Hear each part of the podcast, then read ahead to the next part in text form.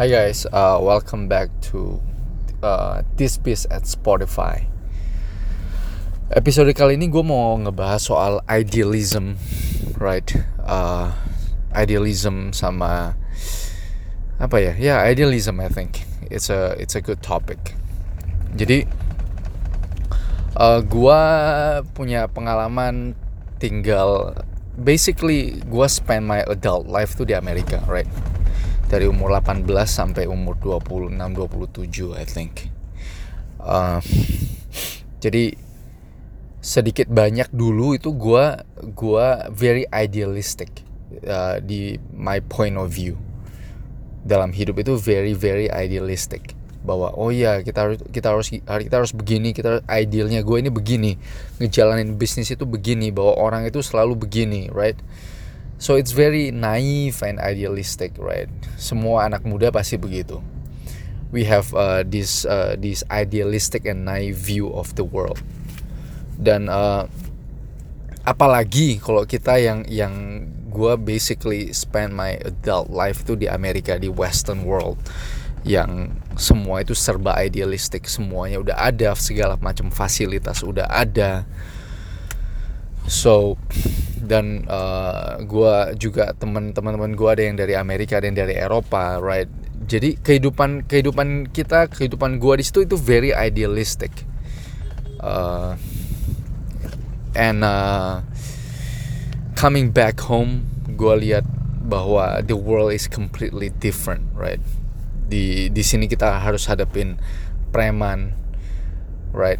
Uh, baik yang ber berseragam ataupun enggak right? So things in that nature uh, shape me right? Jadi gue ngelihat segala macam injustice right? Segala macam kekotoran dunia bisnis baik gue dealnya sama orang lokal ataupun gue dealnya sama orang luar. And it just really shape my entire uh, viewpoint. Itu merubah cara pandang gue bahwa di dunia ini uh, we cannot be naive, we cannot be idealistic. Right, jadi gue tadi gue baru selesai ngobrol uh, sama Felix. Felix uh, sama Denny baru ketemu salah satu entrepreneur uh, di salah satu daerah wisata, orang lokal. Uh, gue nggak bisa sebut daerah mana, right? Kabupaten mana, provinsi mana, tapi gue gak, gue bisa sebut dan dia itu orang lokal. Jadi pada saat dia mau buka wisata ini berhadapan dengan masyarakat lokal dan akhirnya uh, ada gesekan sana sini yang masyarakat masyarakat lokalnya itu males, right? Cuma mau minta-minta dan akhirnya dige, dia digebukin. Dia digebukin. right, anak muda ini digebukin sama orang lokal dan akhirnya bawa ke ranah polisi. Akhirnya dia ada dia jadi martir. Ibaratnya dia digebukin gua ada bukti gua digebukin. Sekarang gua gua mau ngejalanin bisnis. Kalau lu masih gangguin gua gua laporin ke polisi. Right? So awalnya dia pasti idealistik. Anak muda ini pasti idealistik right? Dalam point of view bahwa gue mau ngejalanin gue mau majuin daerahnya gue kenapa lu orang-orang lokal malah gangguin malah sampai ngebu buka usaha aja belum udah dipalakin right?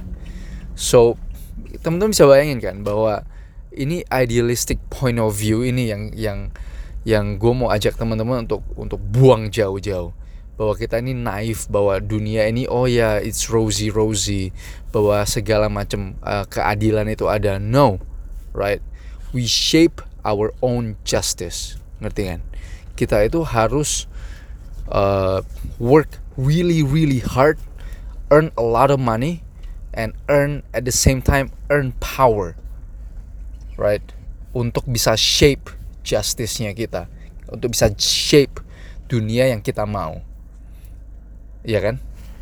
Jadi uh, gua kerja keras right? Gua kumpulin uang uh, untuk supaya gua punya power right? Jadi pada saat ada injustice di depan gua gua punya uang gua punya peluru untuk fix that ya kan? Jadi teman-teman bisa bayangin kalau kita nggak ada duit kita nggak kerja keras kita nggak ada duit terus datang preman datang apa?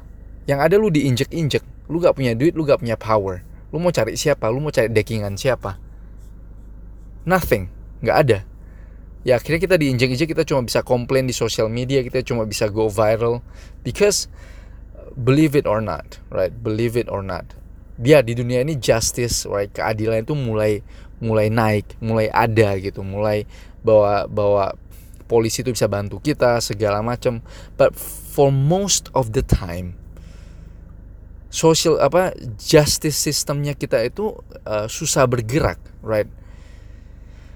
Di Indon uh, di Amerika aja justice system itu susah bergerak. Teman-teman tahu gak jadi kalau kita ada case sesuatu kita tuh harus spend money untuk bayar lawyer untuk bayar pengacara yang charge-nya itu per jam. Satu jam bisa 200 dolar 300 dolar. Jadi kalau kita ada case tertentu justice itu juga gak bisa di serve di Amerika karena kita nggak punya duit. So at the end of the day benar-benar at the end of the day money is is the uh, is the deciding factor, right? Faktor yang decide bahwa justice itu deserve atau enggak, believe it or not, adalah uang. Kalau teman-teman ada uang, you can you can bet with your life bahwa justice itu bisa deserve, right? Teman-teman itu bisa menang justice ke arahnya teman-teman. But if you do not have money, yang ada lu diinjek-injek That's the sad reality of life, but that's the real reality of life. Jadi bagi teman-teman yang masih muda, gue ajak teman-teman work really really hard, make a lot of money.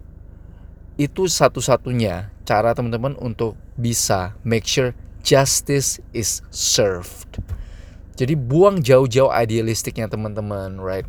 Bahwa gua bahwa dunia ini rosy rosy teman-teman masih ingat dong apa uh, uh, kerusuhan di Mei, right? Atau kerusuhan di Poso, right? That's that's life atau ada pembunuhan yang di Rwanda, civil war yang di Rwanda. Teman-teman jangan pikir bahwa ini nggak bisa kejadian lagi, right?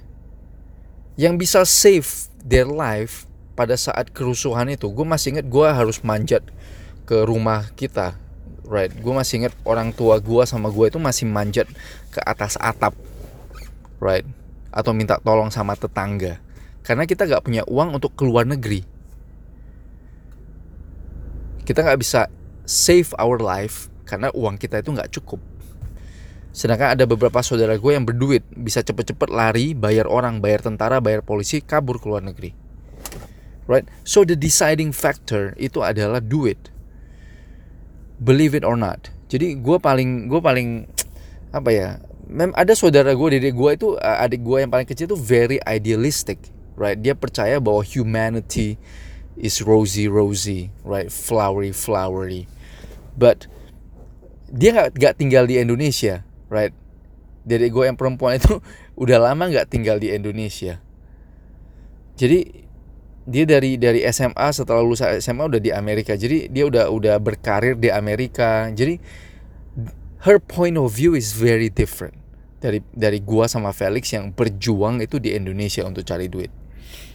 So makanya gue gue selalu bilang sama Felix ya adik gue itu jadi social justice warrior very idealistic sedangkan gue sama Felix itu menghadapi the grim reality of life right bahwa the sad reality of life tuh gue lihat sehari harinya gue right anak kecil yang minta-minta di jalanan anak kecil yang di abuse sama orang tua karena uang gak ada istri yang di abuse sama suaminya karena uang gak ada.